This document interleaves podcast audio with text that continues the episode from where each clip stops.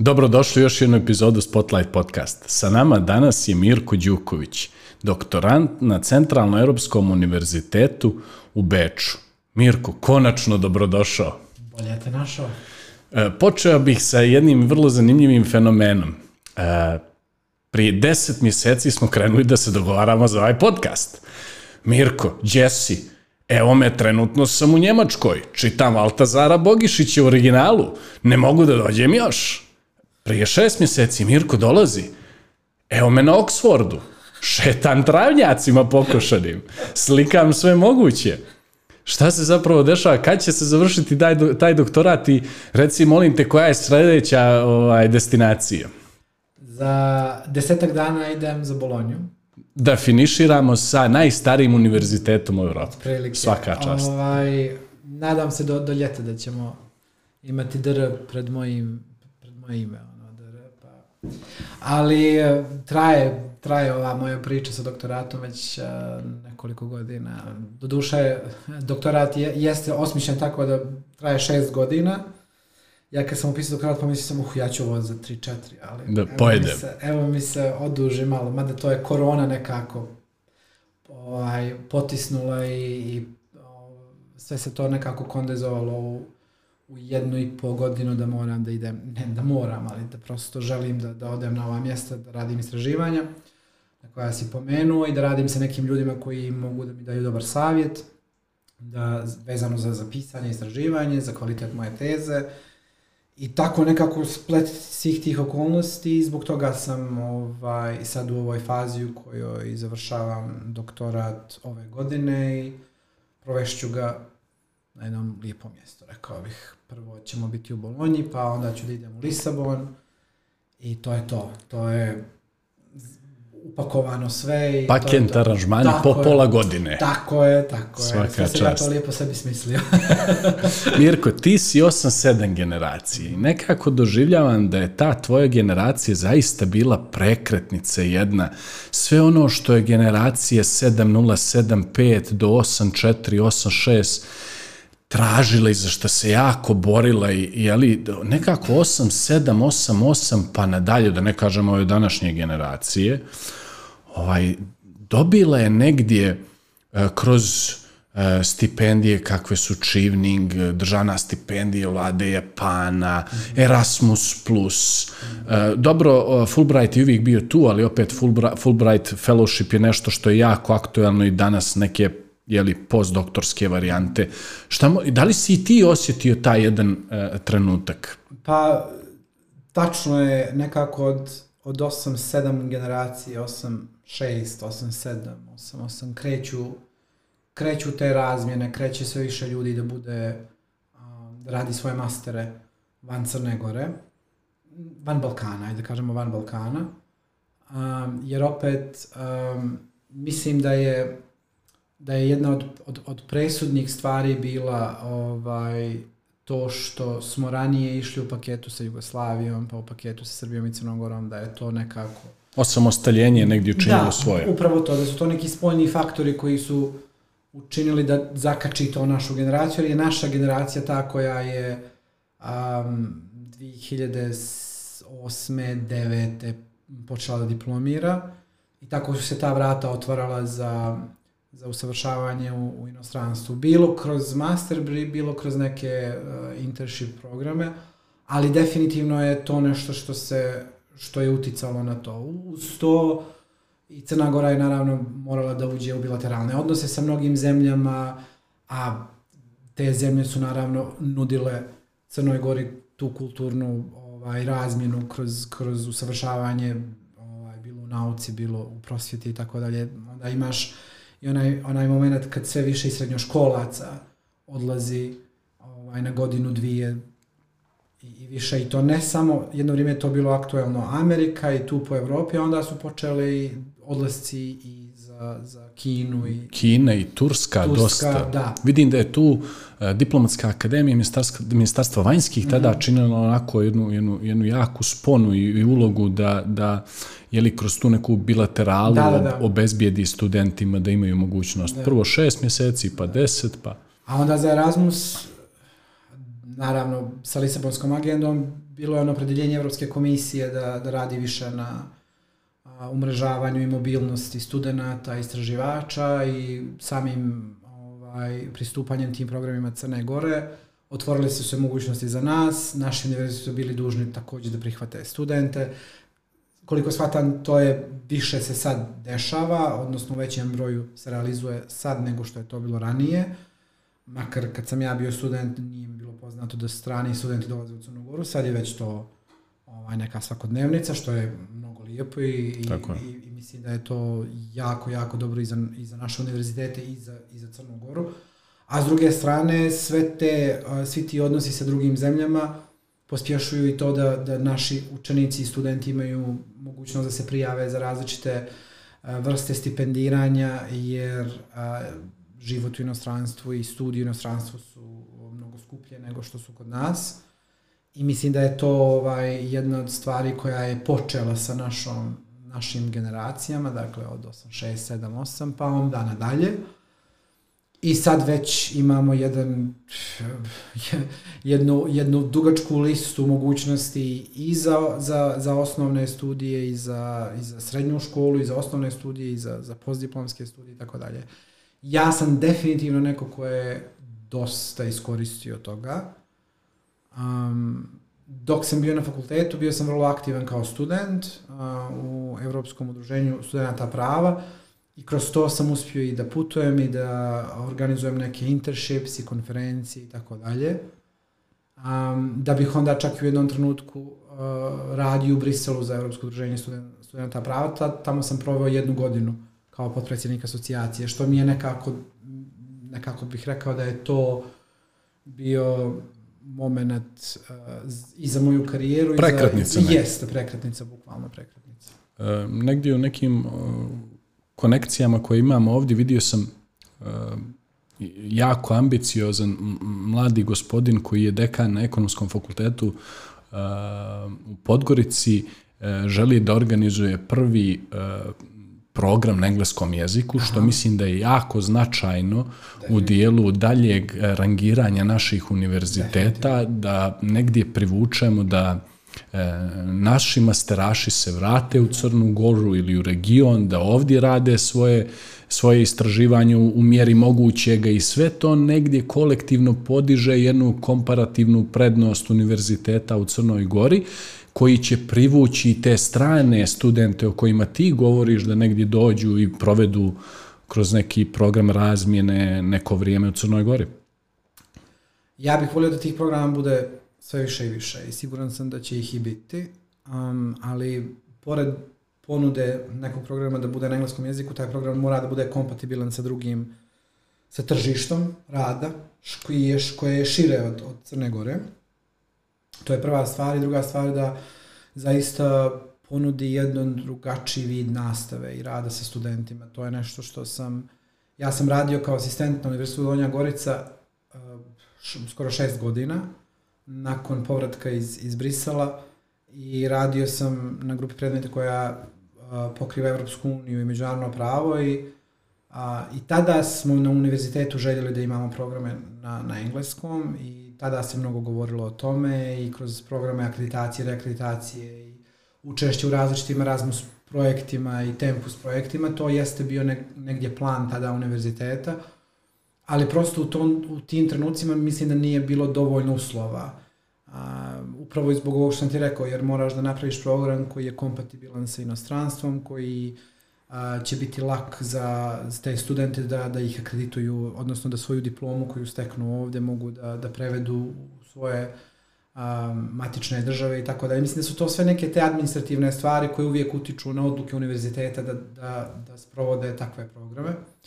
A s druge strane i način nastave. Mislim da to igra jednu veliku ulogu i moram da kažem, ja stvarno sad ne mogu da, da ne mogu da pravim jednu opštu uh, ovaj, opšti statement da, da, da je Izjavu. to tako, da ali meni se čini da u Crnoj Gori fali jedan, jedna, jedan reset što se tiče uh, studiranja, odnosno uh, izvođenja nastave i vršenja istraživanja.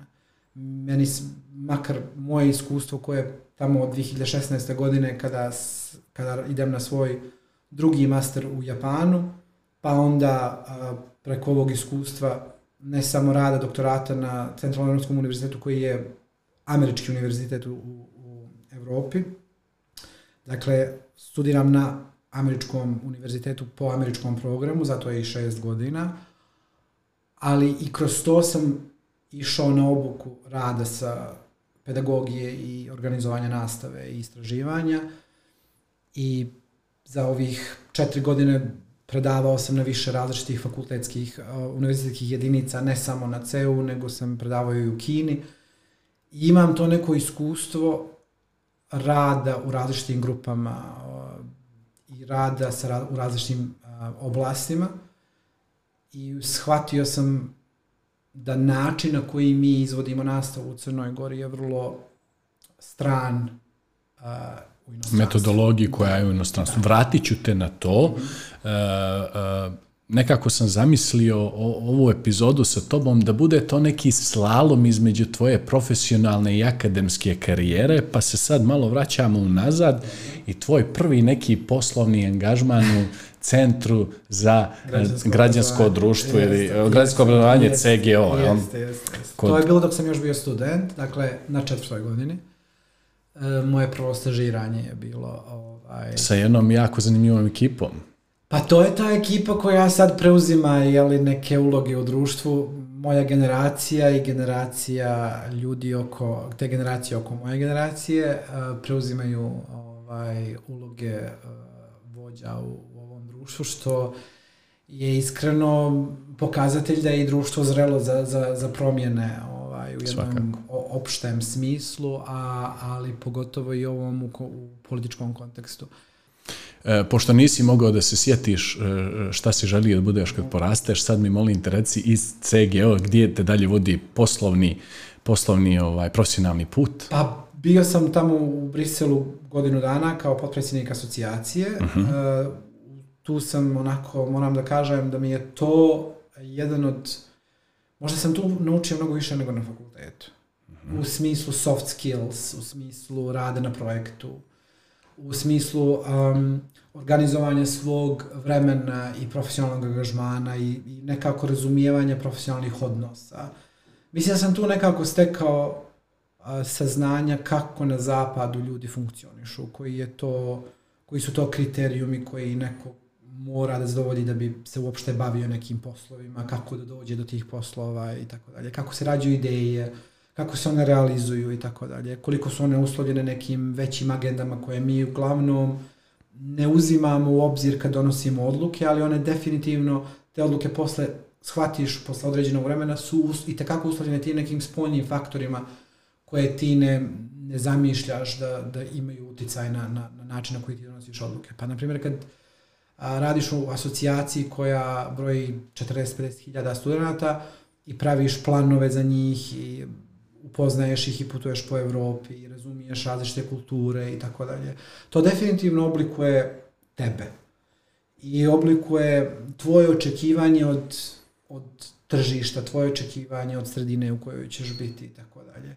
I to je definitivno nešto što je uticalo na mene da na neki način donesem odluke koje kasnije dolaze. Dakle, ja sam se nakon tih godinu dana vratio u Crnogoru, I uh, počeo sam da radim u univerzitetu Danja Gorica. I kao asistent. Kao asistent, mm. tako je. I radio sam svoj master u, u Beogradu i to je bio master na engleskom jeziku. To je jedan od prvih mastera na engleskom jeziku kod nas. A, kad kažem kod nas, mislim na... Region. Na, na region. Mm -hmm. Ovaj, I tada sam bio na, na tom multidisciplinarnom programu a, koji je zapravo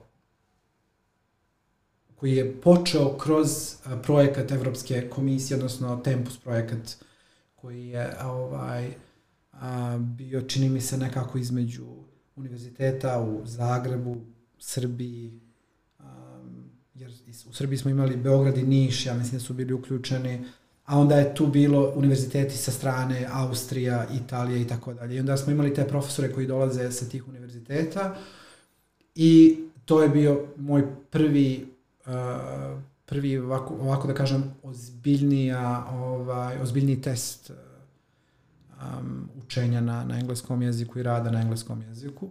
I nakon toga sam, ovaj, nakon što sam magistrirao u Beogradu, ostao sam u, u, Crnoj Gori do 2015. godine. E tad je već počelo da se kuva gdje ću dalje, šta ću dalje, kako ću, šta će biti moj doktorat, da li želim da ostajem u akademiji ili ne želim. Takođe je, postoji izvjesan pritisak i od univerziteta, naravno, ako već toliko godina radiš kao asistent, moraju da znaju šta da se očekuje od tebe i tako dalje. Um, I 2015. na 16. sam radio kao konsultant za oblast pravosuđa ljudskih prava za delegaciju Europske unije. I onda sam kroz taj dio upoznao i politički sistem Crne Gore i upoznao sam um, rad sa Evropskom unijom, znači koju sam samo znao na teorijskom nivou. Znači ja sam o tome predavao, ali nisam zaista znao u praksi kako to sve funkcioniše dok nisam radio za njih. Um, nakon toga sam dobio uh, ovu um, stipendiju yep. iz izvrsnosti uh mhm. -huh.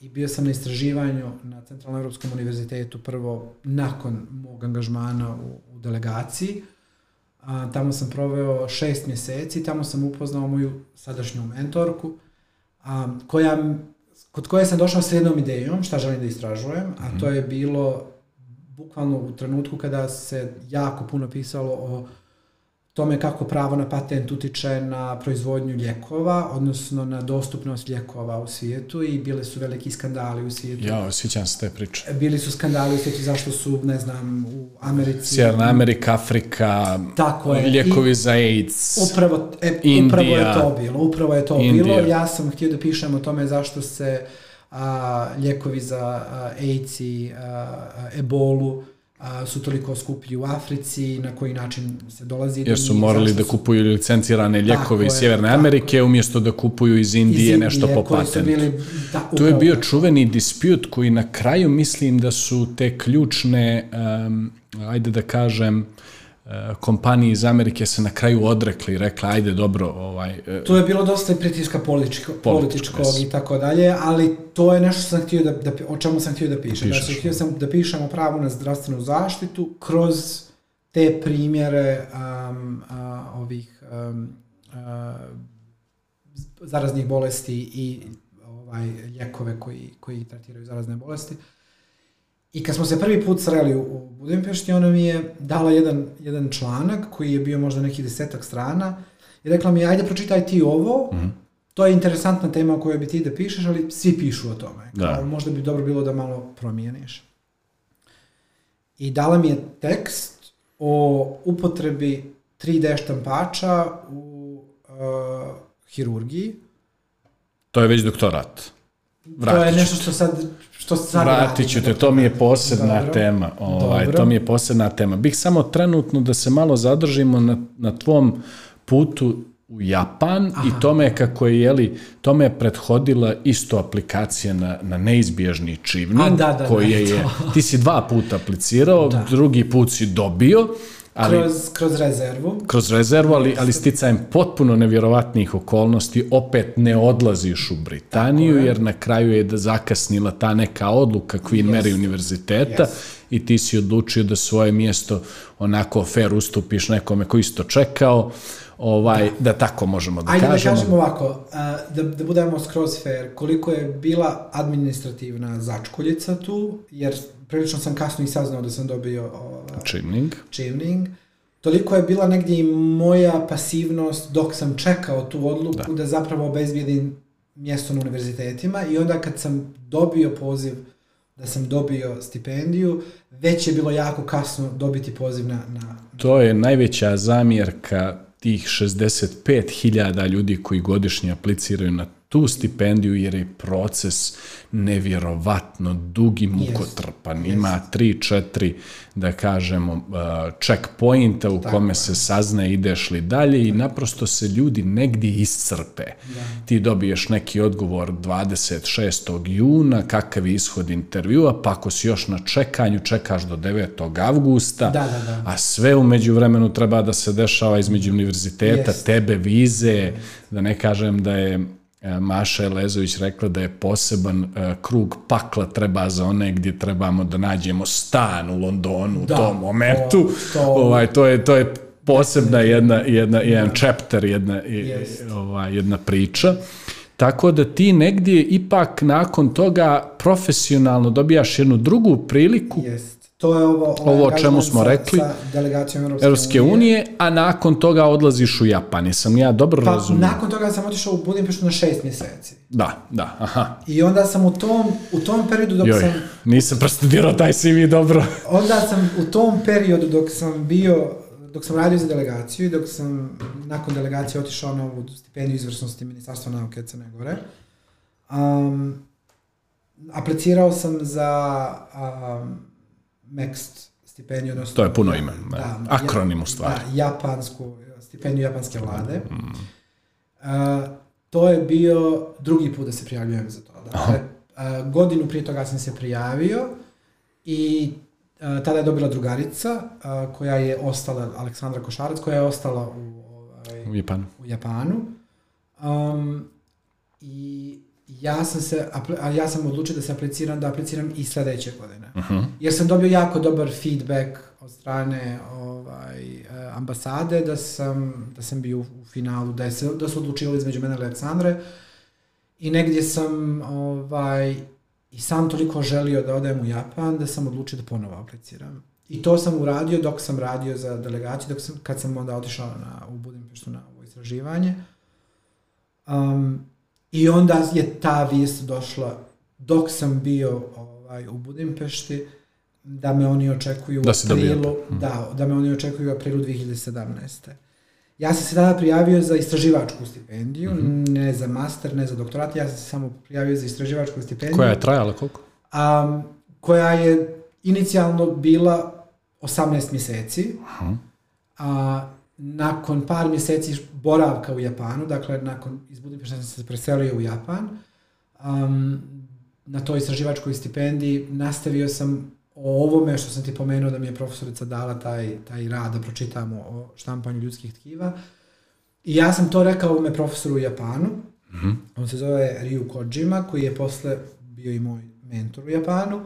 I njemu se ta tema jako sviđala, pogotovo zato što se on bavi intelektualnom svojinom i onda mu je to bilo interesantno sa tog a, aspekta a, biznis prava i i ovaj i onda je on mi je rekao zašto ti ne bi probao da uradiš master i ovde pa da onda nastaviš sa, sa tog mastera dalje ja rekao pa ja već imam jedan master ali nema veze kad već kad se već nudi Došao si na dvije noge. pa mislim, znaš kako, ono, bila je interesantna situacija u kojoj su mi rekli kao zašto ti ne bi probao i master, ti jesi ovdje na 18 mjeseci, ali eto, da, zašto da ne? I ja rekao, ajde, zašto da ne? I upišem master iz, uh, dakle ovaj u, Beogradu je bio iz uh, prava Europske unije, a ovaj u, u- ovaj, u Japanu je bio um, međunarodno ekonomsko i biznis pravo. I ostanem na masteru tamo. Um, tamo sam bio na Kyushu univerzitetu ovaj, i tamo sam proveo 18 mjeseci. A, predivno jedno iskustvo sa mnogo izazova naravno. A, Japan je nevjerovatna zemlja i kao dijete sam od uvijek htio da odem da upoznam ninja i tako. Ovaj, zbog toga sam toliko upravo bio da idem u Japan. Um, ali kroz taj boravak tamo su se onda otvorila, otvorile nove mogućnosti. Onda sam dobio ponudu da ostanem tamo, da pređem u Budimpeštu opet, od moje iste profesorice sa kojom, koju sam ti malo prije pomenuo. A, Singapur je isto bio u opciji, a, Kopenhagen također.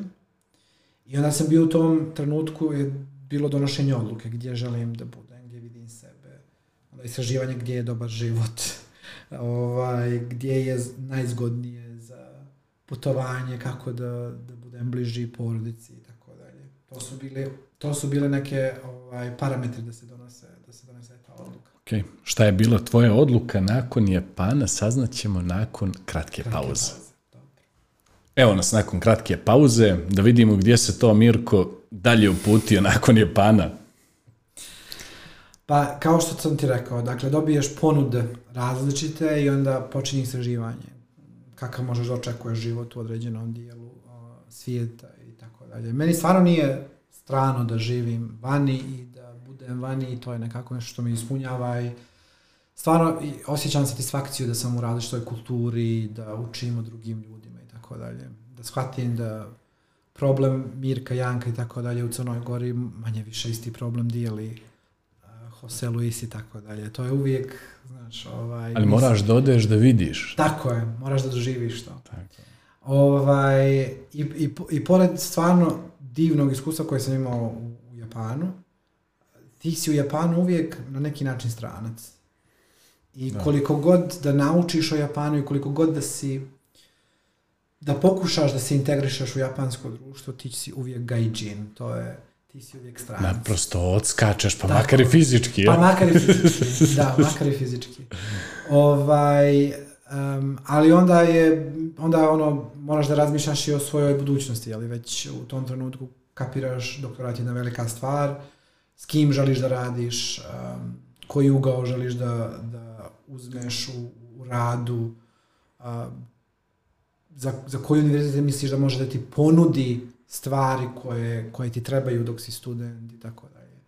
I onda sam odlučio da se vratim u Budimpeštu, jer ova saradnja sa profesoricom Šandor, koju sam upoznao na, na tom kratkom boravku na istraživanju, prije odlaska u Japanu je bila jako dobra. I od nje sam naučio jako mnogo.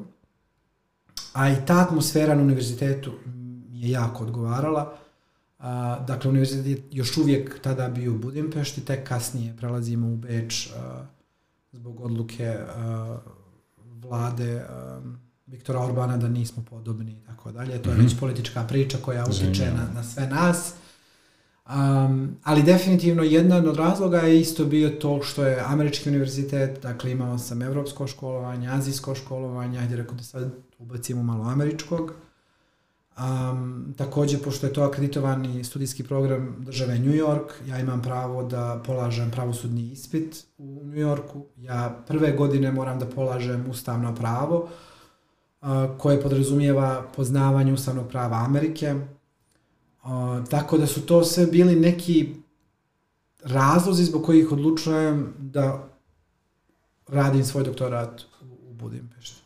E onda ide, nakon mog prelaska u Budimpeštu, onda dolaze ti problemi političke prirode između univerziteta i, i Vlade. vlade i mi smo prisiljeni da se preselimo u, u Beč. Um, CEU zaista pruža odlične izvore za istraživanje.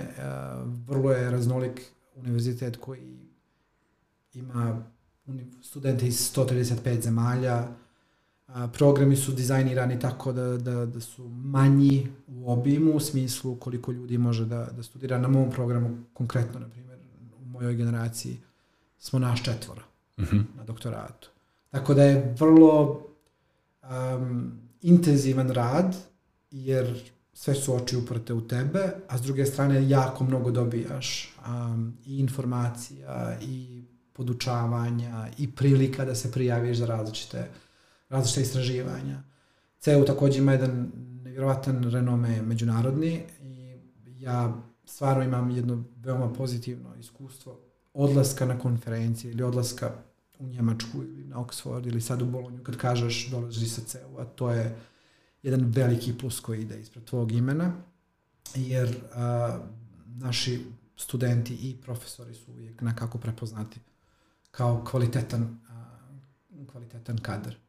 Tako da su to sve neke stvari koje su definitivno uticale na to da ja se stacioniram na CEU i da odatle pokušavam da naučim što više, ne samo vezano za, za moje istraživanje, već i da iskoristim resurse univerziteta da naučim da radim sa studentima, da da radim u velikim grupama, malim grupama, da napravim cijeli kurikulum, da organizujem a, jednosemestralnu nastavu na predmetu koji potpuno ja a, izvodim. A, oni ti daju materijal da učiš da radiš podcast, da snimaš dokumentarce, da radiš sa studentima koji dolaze iz raz- različitih manjinskih grupa i tako dalje. I onda sam ovaj uspio da već e, druge godine nakon, nakon što su, ta prva godina je probna, dakle ako položiš ovaj veliki ispit na kraju, onda si ti dio priče i otvaraju ti se vrata dalje. Radio sam na jednom programu koji je dizajniran samo da, da, da za studente koji dolaze iz istočne Evrope, a, a koji su Romi i koji nemaju jednake prilike u svojim zemljama da pristupe visokoškolskim ustanovama, odnosno masterima na engleskom jeziku. I to je bio prvi, prvi angažman da radim sa manjim grupo, grupama i da radim sa tako ranjivom grupom. I to je isto bio test da primijenimo na znanje iz pedagogije koja su me oni učili na univerzitetu, da, da, da osmislim kurikulum za njih i da radim sa njima godinu dana. To je bilo jedno predivno iskustvo. To je možda jedna onako, stvarno jedna od, stvar, od, od detalja u mojoj karijeri gdje sam jako ponosan, a pogotovo zato što su ti studenti koje sam upoznao izuzetno uspješni i koji su ne samo završili odlične mastere ili na CEU ili na nekom drugom univerzitetu, nego su postali um, advokati u Švedskoj, na primjer, um, ili koji rade za um, RCC u Sarajevu i tako dalje. Znači, jako, jako, jako dobro iskustvo. Um, uspio sam da radim i na uh, Public Policy School kao asistent. Um, znam da, pa, da je Public Policy nešto što je tebi blisko. Ovaj, uh, radio sam i na Fakultetu pravnih nauka, odnosno Legal Studies Department kao, kao asistent. Um, prošle godine sam radio kao asistent na Kineskom univerzitetu, odnosno um, Kineskoj školi za pravo i političke nauke u Pekingu. To je isto jedno nevjerojatno iskustvo bilo. Koje je tebe podrazumijevalo da zaista ideš tamo fizički? Trebalo je da se to desi, međutim Kina je još uvijek imala jako, jako rigorozne, a, rigorozne ovaj, uslove zbog korone i karantina i jedan uslova je bio da ja provedem 40 dana u karantinu kad dođem. Što je bilo onako dosta što je za, Da, i onda je univerzitet zapravo tada donio odluku da svi mi predavači radimo to online. Online, super. Tako da to je bilo definitivno, to je, to je bilo to je bio rad sa 150 studenta. To je nevjerova, nevjerojatno iskustvo bilo. A pogotovo nevjerojatno iskustvo zato što ti studenti dolaze iz potpuno drugačijeg mindseta. Znaš, oni su oni prolaze kroz školstvo, kroz jedan kao, kao vojnici. I ti kad dođeš na čas i postaviš im pitanje koje je samo malo od udara... To je naj tunnel vision, je li? Da, znači samo ako malo od udara iz onog kalupa iz kojeg su oni, ovaj, na koji su oni navikli, navikli. To, znaš, malo ono bude... Ovaj... Sa tehničkog aspekta, preko čega ste vodili ta, ta predavanja? A, to je bila aplikacija poput Zuma. Dobro, ali ti imaš utisak o njihovom broju, je li? Da, jer ti njih sve vidiš. Sve ih, to je, u nekim minijaturnim slukama. Mi smo ih gledali, to je bio rad u manjim grupama po 30. Aha, okej. Okay. Pa smo okay. imali veličina prosječnog crnogorskog odelenja osnovne srednje škole. Tako je, ali, ali je program podrazumijevao da mi svi asistenti prođemo kroz, kroz sva odelenja. Znači, dakle, kreneš sa odelenjem F, a onda se vratiš na A, znaš, i onda te rotira. Pun krug. Te, tako da tamo što naučiš svojim studentima ime, dođe vrijeme da moraš da pređeš u drugo odeljenje. Kinesko ime. Da. Kinezi, ovaj, kinezi prihvataju um, strana imena, dakle oni Aha. sami sebi daju strano Aha. ime. I onda Mike se, Alex. Tako je. I onda kad, John. se, ovaj, onda kad se upoznaješ sa njima, onda ti kažu svoje kinesko ime, onda kažu možeš me zvati John, možeš me zvati Jake. Znači. Zanimljivo. Ovaj, Zanimljivo. Ali ja imam sistem pamćenja imena. Ovaj, to sam radio u Crnoj Sistem Gori. povezivanja, jel? Da.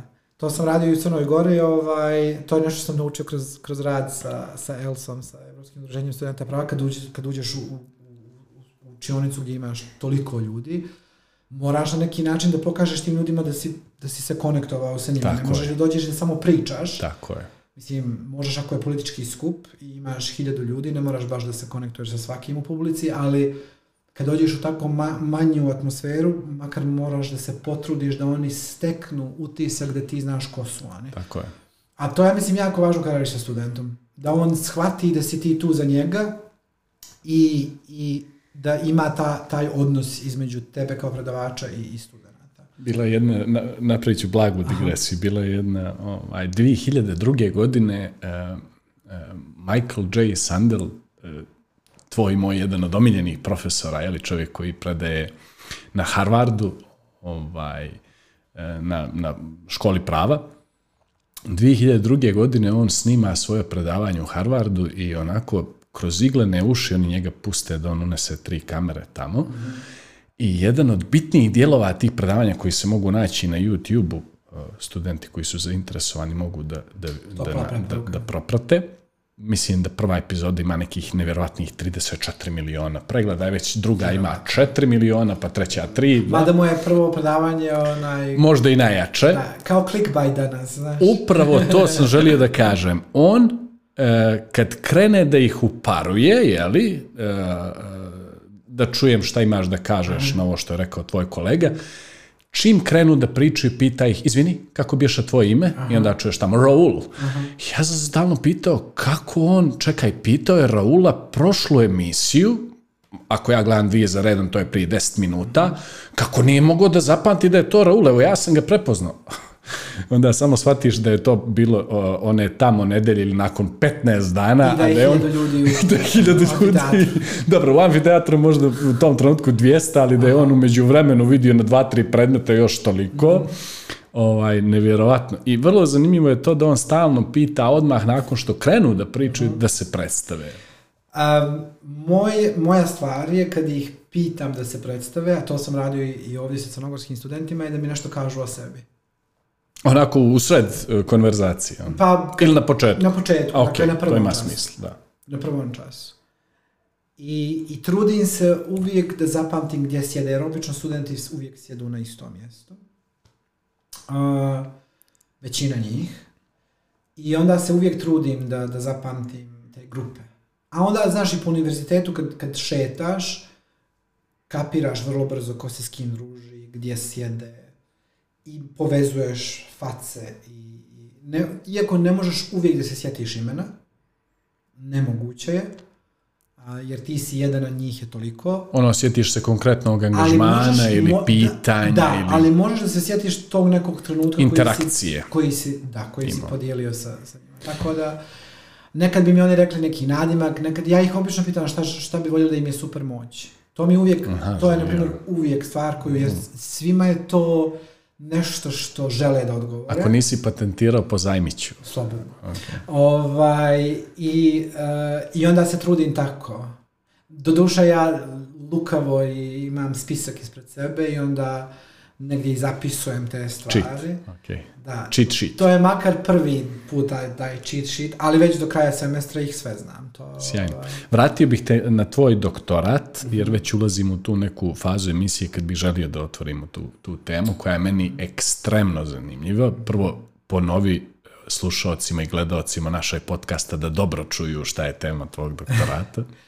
a, tema mog istraživanja je a, konceptualizacija biomedicinskog prava, odnosno nastajanje biomedicinskog prava um, i mnogo konkretnije uh, štampanje uh, 3D štampačima ljudskog tkiva za potrebe transplantacije.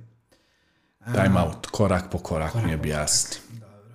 A, biomedicinsko pravo je grana prava koja istražuje i bavi se a, biomedicinskim tehnologijama Dakle, jedan, u jednom širem smislu, to su sve tehnologije koje nastaju kao odgovor na istraživanja ljudskog genoma, dakle od 80-ih pa nadalje. A, danas obuhvataju a, najmanje tri grupe tehnologija koje mi zovemo biomodifying technologies, odnosno tehnologije koje na neki način mogu da izmijene strukturu ljudskog organizma da li je to kroz regeneraciju ljudskog tkiva, a, da li je to kroz a, gajenje ljudskog tkiva, odnosno štampanje ljudskog tkiva, ili je to kroz mehanizme izmjene genetskog koda.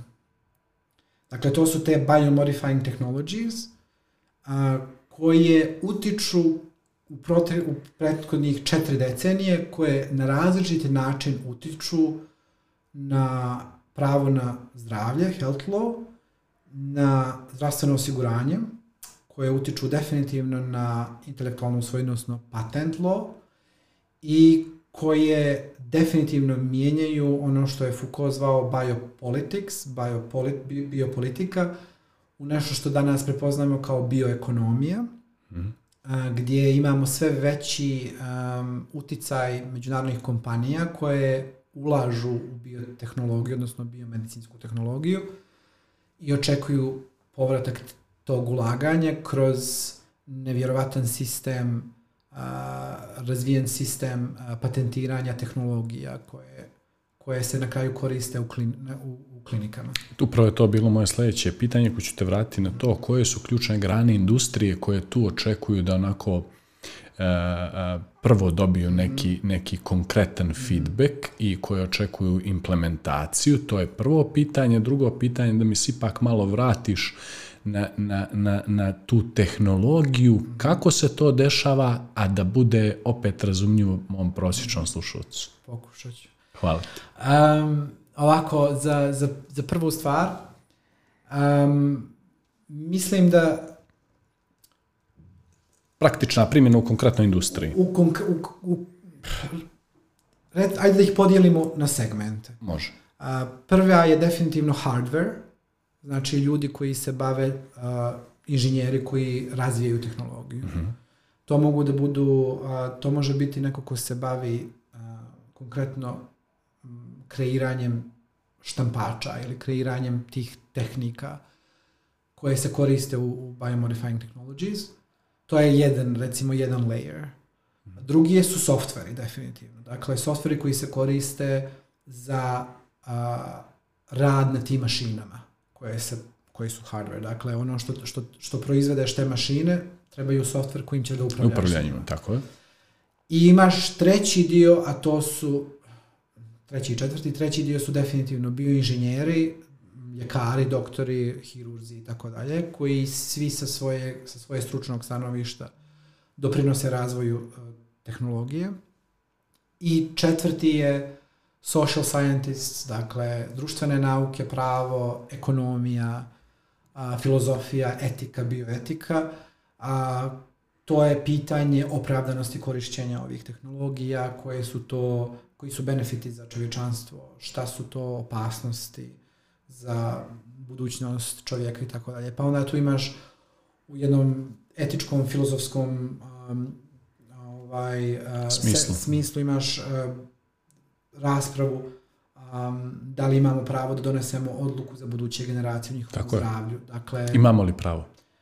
Ja mislim da nemamo, ali to je samo zato što sam pod velikim utjecajem Sandela.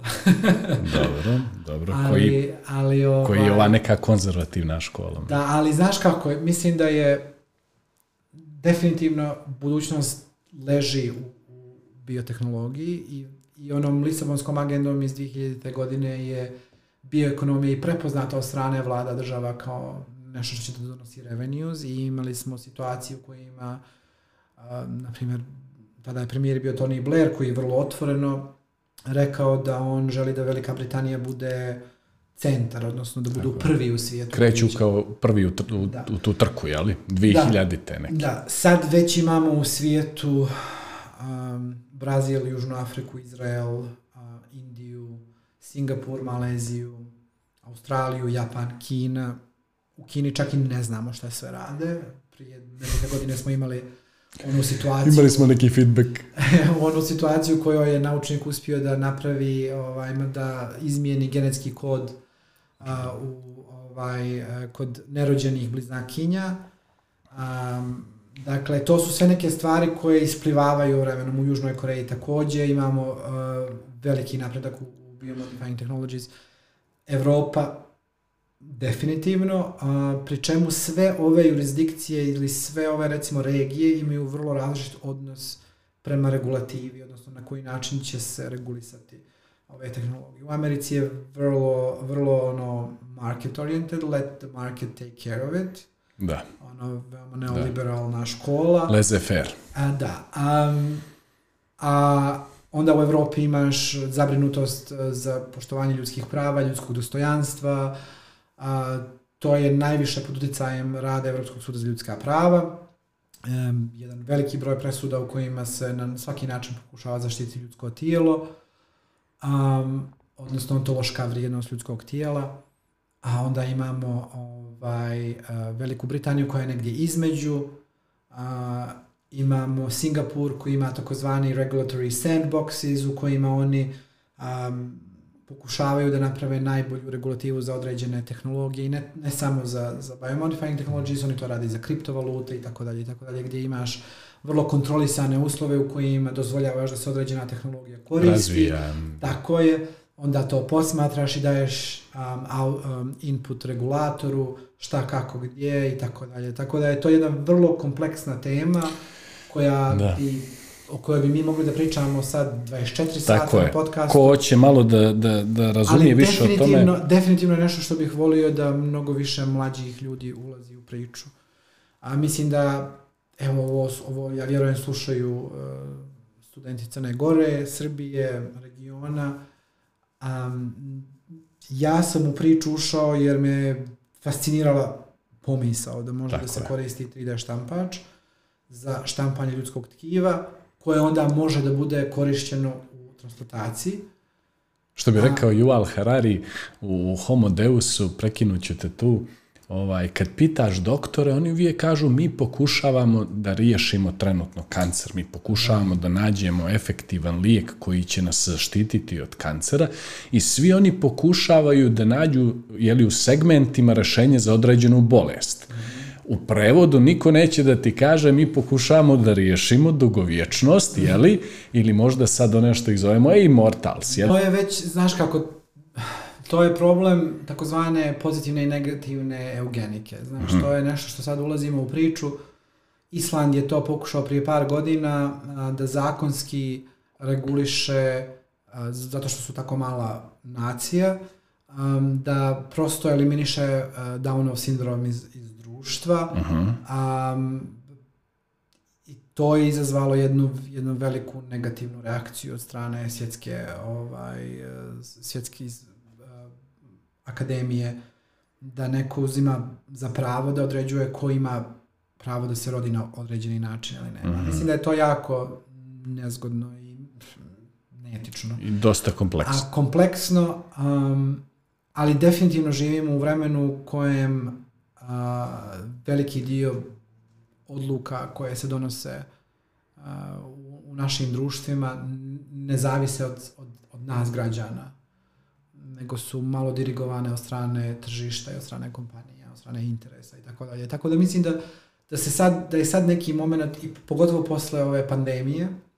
koja još uvijek traje, koja još uvijek nije okončana, um, mi smo već živjeli pandemije, od 80. godina živimo pandemiju, pandemiju AIDS-a, dakle to je nešto što, što i dalje stoji.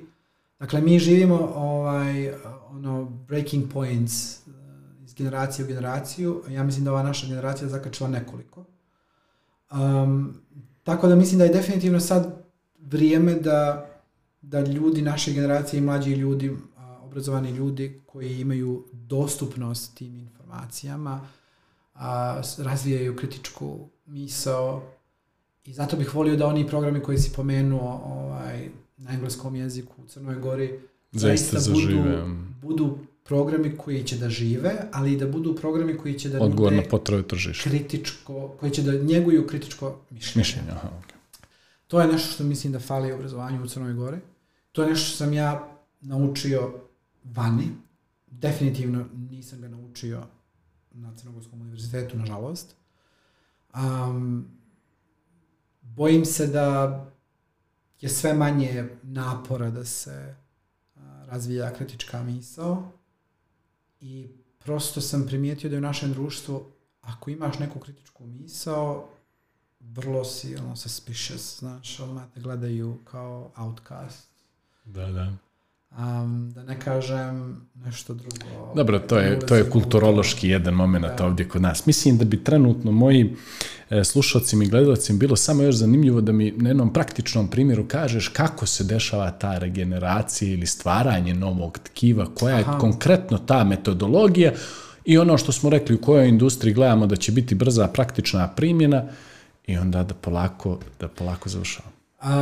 Ajde krenemo od praktične primjene, ona je već zaživjela sad tokom pandemije, koristili su se štampači za štampanje vještačkog tkiva da se testiraju vakcine, da se testiraju različite metode liječenja korone, odnosno posljedica korone. Mm -hmm. tako da je to definitivno jedna od, od stvari koja živi. Druga je um, razvijanje um, ovih um, modela za vježbanje za studente, za hirurgi i tako dalje. To je nešto što takođe postoji da se na osnovu CTM i snimaka pacijenta da, da, da hirurzi u saradnji sa inženjerima mogu da kreiraju, da štampaju u plastici, da štampaju ovaj, organe ljudske i da vježbaju na koji način da dođu do kancera problema koje žele da, da, da Koji su to konkretno dijelovi tijela ili organi koje oni već polako tehnološki mogu a, da... A tehnološki oni mogu kožu, a, uh -huh. a, hrskavicu, a, dijelove kostiju, a, vaskularni sistem, nervni sistem. Uh -huh. Sve ono što je mnogo kompleksnije, dakle ono što zahtjeva organe koji se sastoje iz različitih tkiva, različite vrste tkiva, a to je još to još uvijek nije zaživjelo, no. ovaj, ali ono što čitam u zadnje vrijeme, ovaj, naučnici smatraju da će za nekih 10 do 20 godina to da se desi, da će da, da probiju tu barijeru i da će uspjeti da, da štampaju cijele organe. Ključne organe. Da. Štampanje je kao svako 3D štampanje. Mm -hmm. Dakle, postoje te, recimo, sad kako bi se to zvalo kod nas kao špricevi kroz koje ide takozvani bioink, odnosno ovaj, toner, jeli, o, toneri. A, jedan je sačinjen od vještačkih materijala kojima se a, štampa a, struktura tkiva, mm -hmm. a jedna sadrži hidrogele, odnosno te hranjive materije u koje treba da počivaju ćelije ljudske, a od pacijenta se uzimaju te ćelije ljudske koje se onda koriste za pravljenje um, te posebne smjese koja se ubacuje u, u, u tu strukturu. Ovo je vrlo nezgodno objasniti Sve našem jasno, jeziku. Jer ima propag... Bu, bukvalno sad razmišljam koliko je ovo teško objasniti našem jeziku, koliko sam se navikao da ovo, ovo pričam na engleskom. Jasno. Ovaj, Nova je tehnologija. I, I onda se, nakon ovaj, što se naštampa određeno tkivo, ono se ostavlja u inkubator da um, se dostigne određenu zrelost za korišćenje u, u hirurgiji. Odlično. E, ostaje nam još samo da vidimo šta su neki tvoji budući planovi, da li nas negdje ima u tvojim planovima generalno Crne Gore regiona i sa tim ćemo završiti, ali to ćemo ostaviti nakon kratke pauze. Ulazimo bukvalno u drugi sat razgovora, tako da ćemo gledati da smo, da finiširamo i da smo kratki, jer smo te negdje uzeli od tvojih obaveza.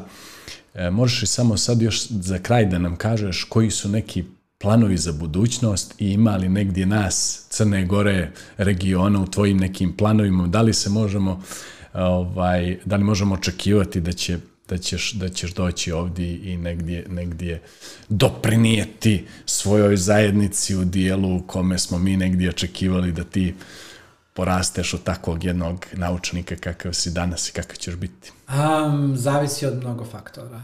Dobro. Ja znam Ali... negdje interno, evo prekinuću te da e, nije negdje tajna, mala je država, sve se zna, tebi su i bile ponuđene par nekih opcija, ali da si ti zaista negdje prioritet davao svom doktoratu i nekim momentima u akademskom a, a, a, jeli, životnom ciklusu koji su ti se otvarali, naprosto samo možeš jednom da budeš na Oxfordu tako u tom je. konkretnom životnom tako a, momentu, tako da ovaj, e, kako sada gledaš, približio se kraj toga doktorata, kako sada gledaš na stvari? Pa ja se definitivno dok radim na završetku doktorata, upravo prijavljujem se za, za poslove koji su vezani najviše za zapadnu Evropu. Mm -hmm. Not gonna lie, a, čini mi se da će tamo biti baza. Sve jasno. Um, ja sam u proteklih godina, koliko god je tema kojom se bavim, bavim se jurisdikcijama kao što su Europska unija, Amerika i um, um, jugoistočna Azija a, i Velika Britanija. Ja sam se trudio da budem povezan sa Crnom Gorom kroz rad na projekte sa nevladnim organizacijama ili sa Savjetom Evrope ili sa Svjetskom zdravstvenom organizacijom i tako dalje. Dakle, ja sam radio kao konsultant i u proteklih par godina uporedo sa radom na doktoratu sam ostao na neki način vezan za Crnu Goru kroz poznavanje političkog sistema Crne Gore i davanjem doprinosa, da li kroz a, održavanje određenih treninga iz te oblasti ili a, analiza a, pisanja priručnika za državne službenike i tako dalje. Dakle, to su neke stvari koje, na koji sam ostajao u, u kontaktu sa, sa Crnom Gorom. Um, ja definitivno bih volio da i dalje imam neku vrstu kontakta sa Crnom Gorom kroz taj profesionalni angažman. Ja sad ne znam kakav on može da bude. Svjasno. Ja sam vrlo otvoren za to, um, ali i s druge strane moram da budem iskren, nekako više sebe vidim na zapadu. Ne znam kakva može ponuda da se desi nakon doktorata za, da je vezana za Crnu Goru, da bih e, tako lako možda rekao, ok, sad ćemo da stavimo pauzu na planove na zapadnom univerzitetu i da dođemo ovdje. Um, Zahtjeva jak ti oportunitetni trošak, što bi rekli ovi a, ekonomisti. Da, to je to, vjerovatno. Dobro. E, Mirko, puno ti hvala na ovom gostovanju. Zadovoljstvo. Ovaj, iako smo imali neki blagi tehničkih problema, Ne to znam, je to prošlo, niko tako je. Ovaj, nadam se zaista da, da ćemo te vrlo brzo ponovo vidjeti u Crnoj Gori i pored tih nekih um, part-time angažmana da ćeš ipak doći ovdje i u nekom momentu Konkretno, konkretno doprinijeti razvoju ove zajednice. Nisam zatvoren za opciju, ali vidjet ćemo šta će da se desi. Hvala ti što si me pozvao. Bilo mi jako lijepo. Nadam se da nisam smorio ljude. Ne daj Bože, bilo je ultra zanimljivo. Puno ti hvala još jednom. Hvala tebi.